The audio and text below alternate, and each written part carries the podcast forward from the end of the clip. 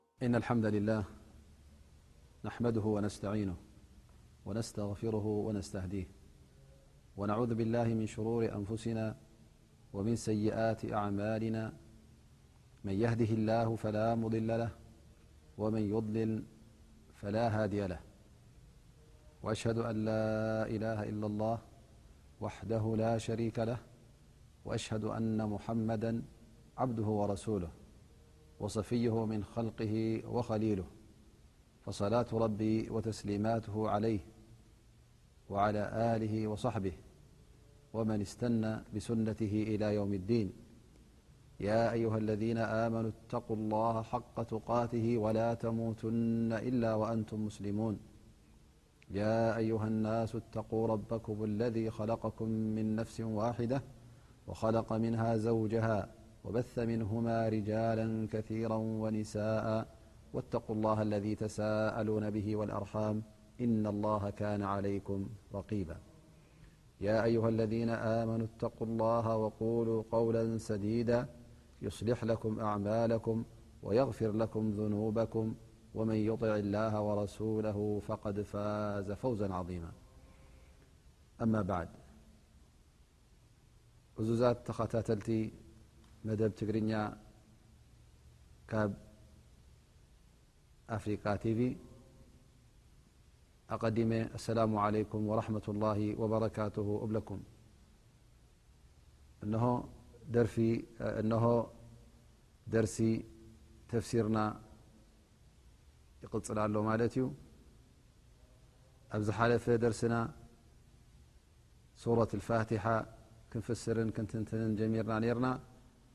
ኣብ መጨረሻ ዝበፃሕናዮ ድማ እያከ ናዕቡዱ ወእያከ ነስተዒን ትብል ኣያ እያ ነይራ እያከ ናዕቡዱ ወእያከ ነስተዒን ክበሃል እንከሎ ንኣላ ስብሓን ወተዓላ ኩሉ ኣምልኾት ክወሃብ ከም ዘለዎ ብትሕትና ንኣላ ስብሓን ወተዓላ ከነምልኽን ክንግዛእን ኢና ኣብዛ ኣያ እዚኣ ንኣላ ስብሓን ወተላ ንህቦ ዘለና ስለዚ እቲ ዒባዳ ክበሃል እንከሎ ኣምልኾት ክበሃል እንከሎ ኩሉ ኣላ ስብሓን ወተላ ዝፈትዎን ዝረድዮን ቃላት ይኹን ተግባራት ይኹን ስቱርን ጉሉህን ንኣላህ ስብሓን ወተላ ጥራይ ንክኸውን ኢና ንሕብር ዘለና ማለት እዩ ላ ስብሓን ወተላ ብጀክኡ ንካልእ ከነምልኽ ኣየፍቅድን እዩ ንሕና ውን ነዚ ትእዛዝ እዚ ከነኸብር ግዴታ ይኸውን ናብኡ ድማ ንፅጋዕ ወእያካ ነስተዒን ካብ ኣላ ስብሓን ወተላ ሓገዝ ንጠልብ ስለዚ ኩሉ ኣምልኾትና ንዕኡ ሂብና ዝኾነ ይኹን ተዳራጊ ምስ ኣላ ስብሓን ወተዓላ ከም ዘየለ እውን ነዚ ነገር እዚ ብጭብጢ መስኪርና ካብ ኩሉ ሓይልታትና እውን ናፃ ንክንከውን እቲ ኣላ ስብሓን ወተዓላ ጥራይ ዝኣዘዘና ንክንፍፅም ናብኡ ጥራይ ክንፅጋዕ ኣብዚ ኣያ እዚኣ ናታ ትርጉም ይኸውን ማለት እዩ ስለዚ ሓገዝ ካብ ኣላ ስብሓን ወተላ ክጥለብ እንከሎ እዚ ዩ ናብቲ ደስታ ናይ ኣዱንያን ናይ ኣራን ዝወስደና ስለዚ ፍርሃት እንተ ኮይኑ ካብ መን ንፈርህ ካብ ኣላ ስብሓን ወተላ ንመን ነምልኽ ንኣ ስብሓ ወ ካብ መን ንትፅቢትና ካብ ኣላ ስብሓ ወላ ብጀካ ኣላ ስብሓን ወተላ ቆላሕታ ናብ ካልእ ክንገብር የብልናን ምክንያቱ እዚ ዩ እቲ ቀንዲ ባርነት ን ኣላ ስብሓ ወ ክወሃብ ዘለ እቲ ቀንዲ ባርነት ክኸውን ዘለዎ ድማ ንኣላ ስብሓ ወ እዩ እስኻ ኣነ ኩሉ ፍጡር ባርያ ኣላ ስብሓ ወ እዩ ግዙእ ኣላ ስብሓ ወ እዩ ስለዚ ነቲ ገዛኢኻ ኩሉ ዝፈትዎ ነገራት ክትገብር ኣለካ ማለት እዩ ካብቲ እሱ ዝወሰነልካ ካብቲ እሱ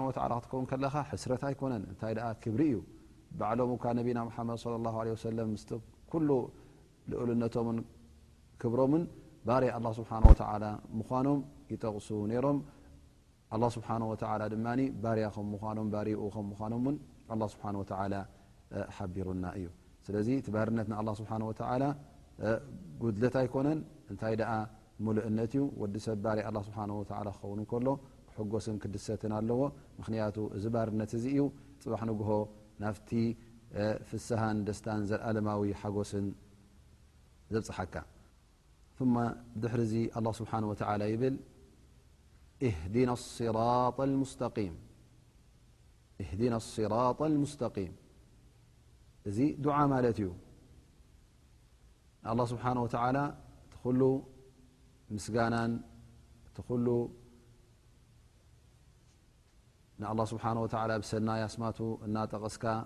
ትምጉሶ ኔርካ፣ ሕጂ በይ ኣቲኻ ማለት እዩ? ኣብቲ ዱዓ ትኣቱ ኣለኻ ማለት እዩ። እህዲና ኣስራጥ ኣልሙስተቂም፣ ኣንታ ጎይታይ ናፍቲ ቅኑዕ መገዲ ሓብረኒ፣ ናፍቲ ቅኑዕ መገዲ ውሰደኒ። ዱዓ ክግበር እንከሎ ድማ እቲ ዝበለፀ ዱዓ ከመይ ማለት እዩ መጀመርያ ንኣላ ስብሓን ወተላ በቲ ኣስማቱን ጠቒስካ በቲ ነቲ ኣስማቱ ወዲስካ ንስሙን ንዕኡን ብፅቡቕን በቲ ኣስማእ ልሑስና ዝበሃል ብኡና ጠቒስካ ድሕሪኡ ናብቲ ሕቶኻ ክትኣቱን ከለኻ እዚ እዩ እቲ ዱዓኻ ምሉእ ዘይጉዱል ዝበሃል ምክንያቱ ንኣላ ስብሓን ወተላ ኣመስጊንካ ንኣላ ስብሓን ወተላ ሞጒስካ ድሕሪኡ ሕቶኻ ክትሓትት ከለኻ ኣላ ስብሓን ወተላ ድማ እቲ ሕቶኻ ይቕበሎ ማለት እዩ ስለዚ እዛ ኣያ እዚኣ ወይከዓ እዛ ሱራ እዚኣ እንታይ ተምህረና ኣላ ማለት እዩ ዱዓ ክንገብር ከለና ቅድሚ ዱዓ ምግባርናስ ንኣላ ስብሓን ወተላ መጀመርያ በቲ ሰናይ ስሙ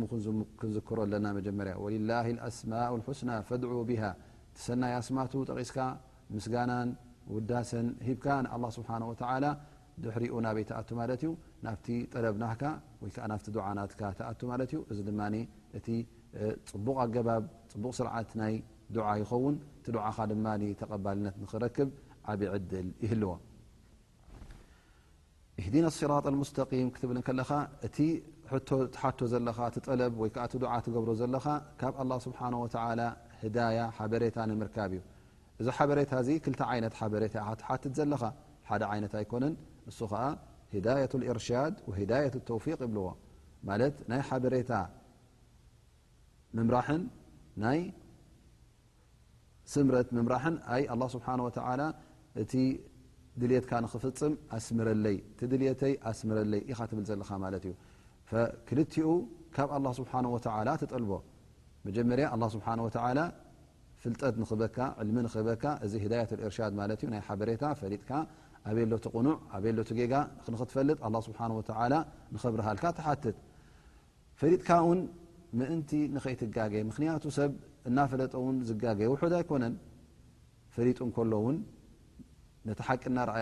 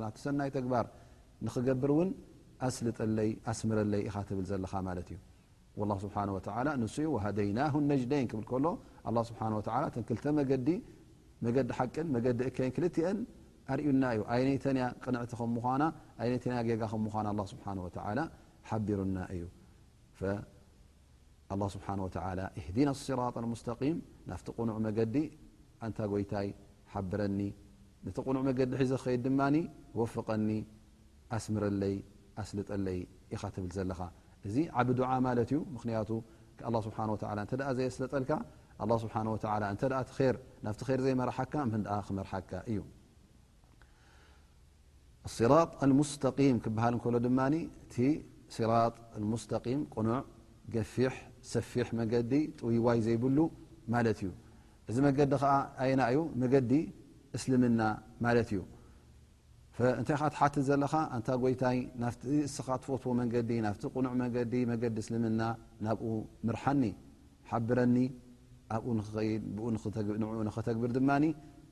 ኣሳልጠለይ ኣስምረለይ ኢኻ ትብል ዘለኻ ማለት እዩ ስብሓ ወተላ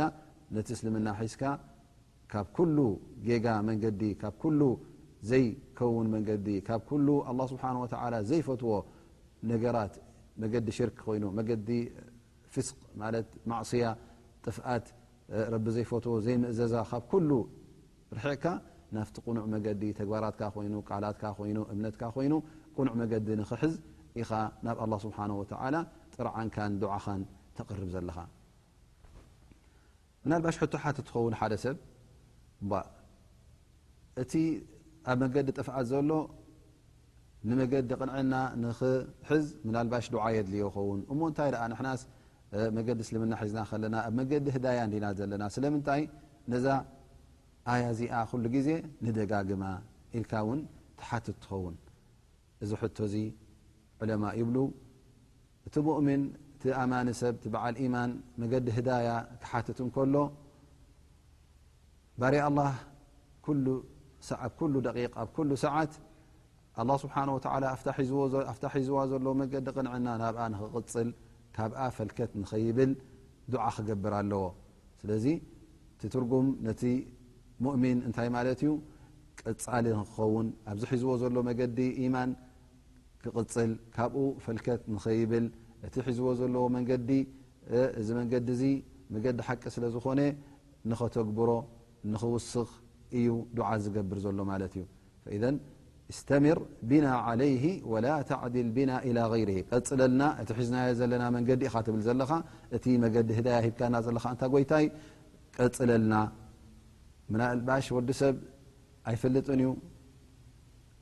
ሙእሚን ዝነበረ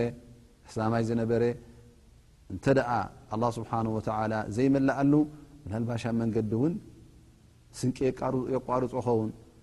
መንገዲ ይስሕት ይጋገ ይኸውን ምክንያቱ ብዙሕ ዕንቅፋት እዩ ዘሎ ቲ መንገዲ ሓቂ ክትከይድ ከለኻ ብዚ ብየማን ብፀጋም ዝመፁኻ ሸጣውንቲ ኣለዉ ኢልና ናይ ኣጋኒንቲ ኮይኖም ወይ ውን ሸጣውንቲ ደቂ ሰብ ኮይኖም ንዓኻ ከጥፍኡን ንዓኻ ከታልሉን ዝቃለሱ ኣለዉ እሞ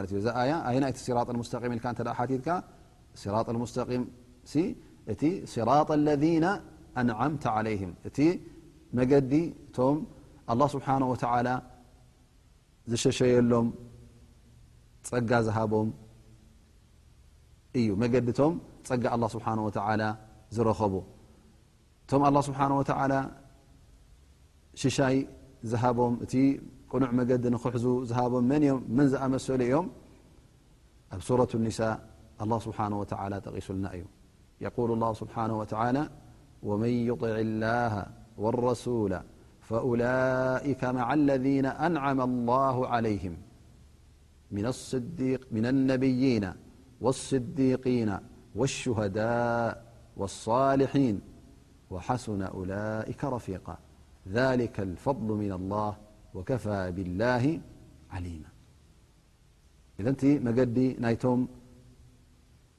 ኣላ ስብሓን ወተላ ዝነዓመሎም ዝሸሸየሎም ኢልካ ሓቲትካ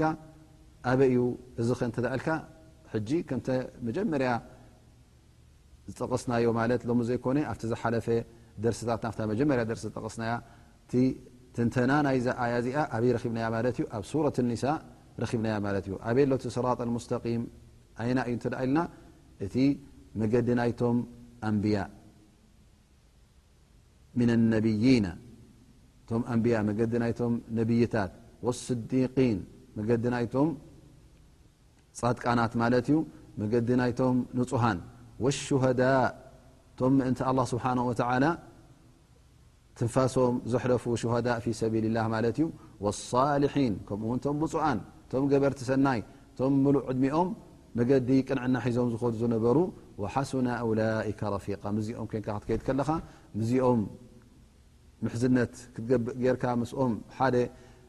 ኮንካ ክትከይድ ከለኻ እዚኦም እዮም ቶም ሰናይ ምሕዝነት ዘለዎም ምስኦም ሓደ ክትከውን ከለኻ ማለት እዩ ኢዘን ኣላ ስብሓን ወተዓላ እቲ መገዲ ናይ ሲራጥ ኣልሙስተቂም እነሀ በዚ ተንቲኑልና ማለት እዩ ስለዚ መገዲ ቶም ኣንብያ ኣንብያ እንታይ ይገብሩ ነይሮም ቶም ሳልሒን ቶም ስዲቂን እንታይ ይገብሩ ነይሮም እሶም እቲ ኣላ ስብሓን ወተላ ዝኣዘዞም ኩሉ የተግብሩ ነይሮም ካብቲ ኣላ ስብሓን ወተላ እውን ዝኸልከሎም ይኽልከሉ ነይሮም እዚ እቲ መገዲ ቅንዕና መገዲ እስልምና መገዲ ቶም ዝሓለፉ ኩሎም መገዲ ቅንዕና ሒዞም ዝኸዱ ዝነበሩ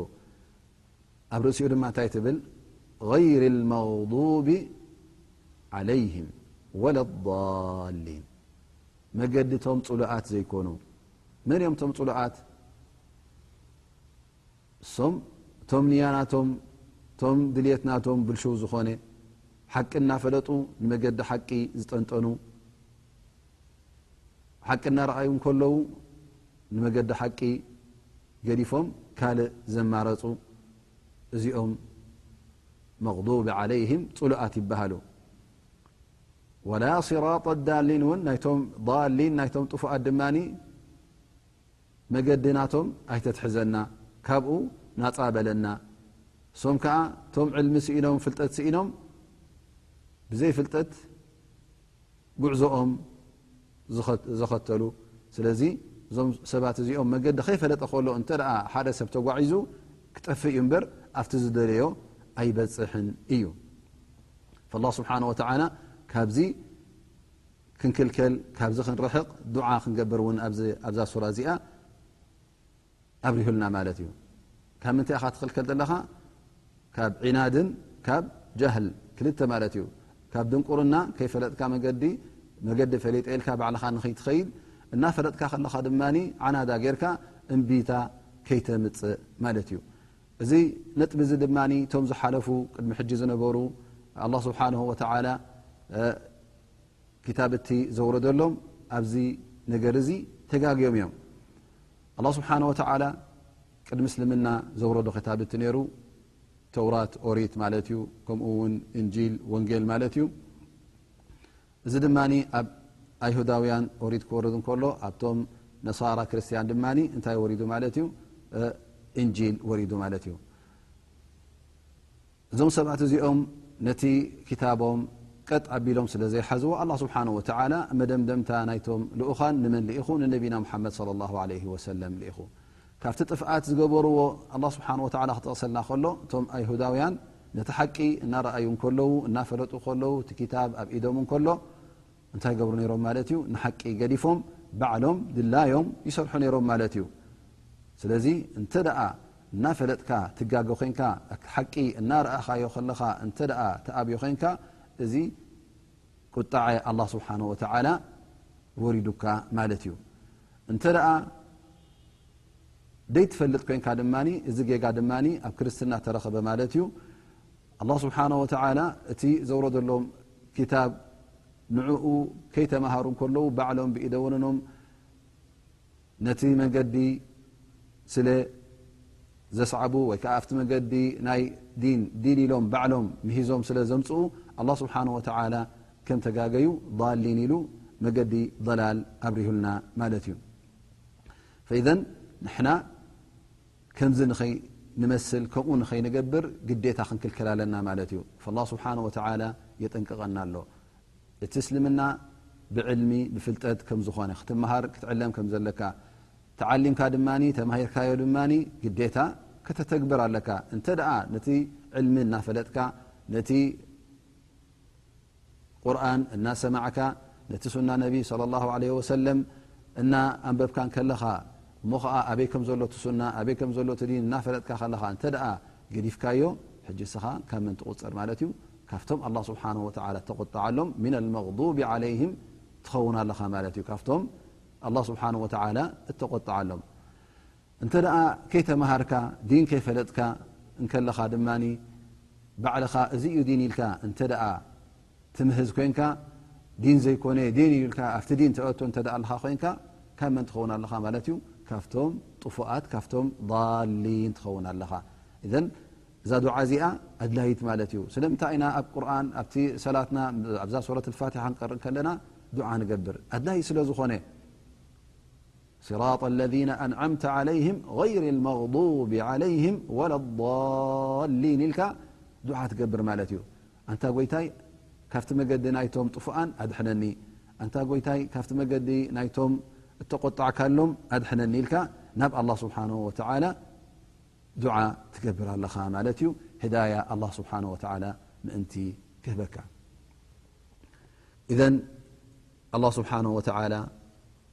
እዛ ሱራ እዚኣ በዚ ይድምድማ ማለት እዩ።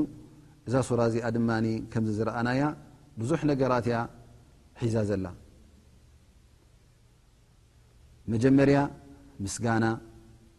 ንኣላ ስብሓን ወተላ ክም ምዃኑ ክብርን ውደሳን ኩሉ ንኣላ ስብሓን ወተላ ክወሃብ ከም ዘለዎ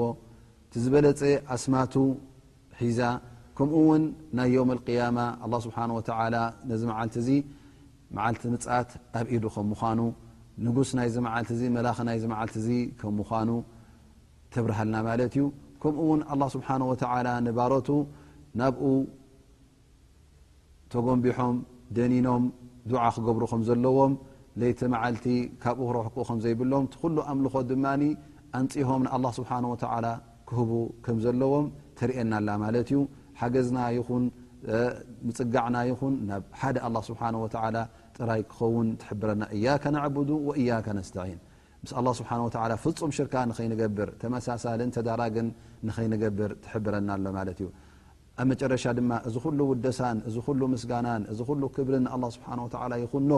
ኢልካ ምስ ኣቕረብካ ድማ በቲ ጥዑም ኣስማቱ ምስ ጠቐስካዮ ንዕኡ ጥራይ ተምልኽ ከም ምዃንካ ድማ ኢድካ ምስ ሃብካ ምስ ኣረጋገጽካ ኣብ መጨረሻ እዛ ኣያ እዛ ሱራ እዚኣ ናበይ ትሕብረካ ኣላ ማለት እዩ ዱዓ ንክትገብር ናብ ኣላህ ስብሓን ወተዓላ ክትጽጋዕ ከም ዘለካ ሲራጥ ሙስተቂም ትሓትት እሱ ድማ እቲ ቅኑዕ መገዲ እዩ ንዕኡ እንተ ኣብዚ ሲራጥ ኣብዚ መገዲ እዚ እንተ ዘይቀናዕካ ድማ መገዲ ጥፍኣት መሪፅካ ኣለኻ ማለት እዩ እሞ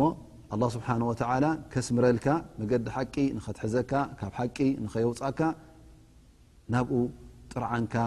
ደጊምካ ደጋጊምካ ተቕርብ ኣለኻ ማለት እዩ እቲ ሰናይ ተግባራት ምእንቲ ንኽትረክብ ኣዕማል ሳሊሓ ዝበሃል ምእንቲ ክትረክብ ካብቲ መገዲ ጥፍኣት ድማ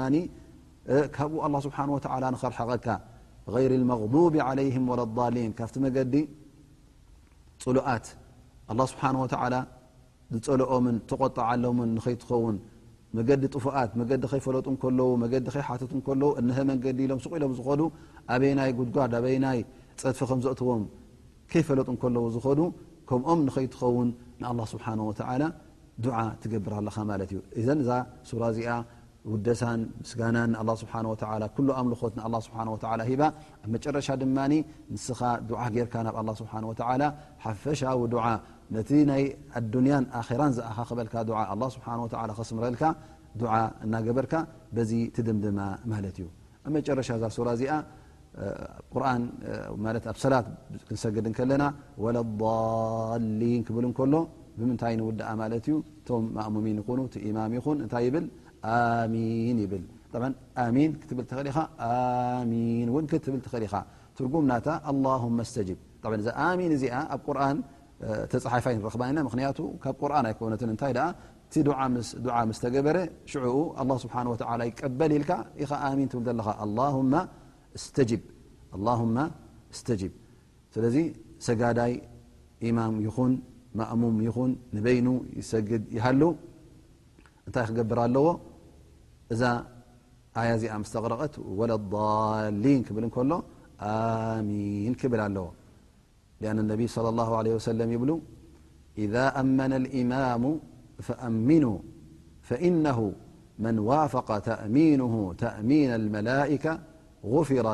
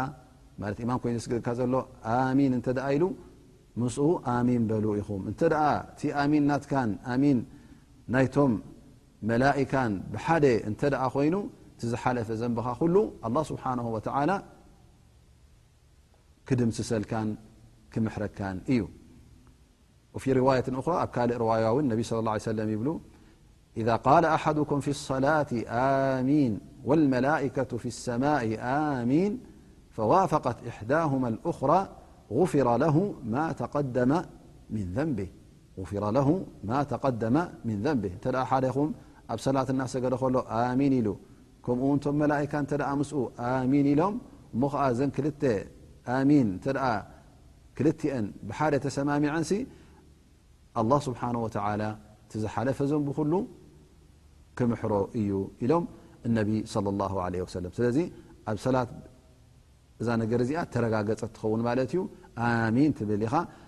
ገለገለ ዑለማ እውን ወላ እውን ኣብ ደገ ሰላት ከለኻ እተ ኣልሓምዱ ቀሪኦም ሪእካ ውን እተ ሰሚዕካ ኣሚን እንተበልካ እውን ደሓን እዩ ይፍቀድ እዩ ዝበሉ ዕለማ ኣለዉ ማለት እዩ እን እዛ ናይ ሎ መዓልቲ ሱራ ሱረት ፋትሓ ሎ መዓልቲ ኣብዚ ደርሲ እዚ ጨሪስናይ ኣለና ማለት እዩ ስለዚ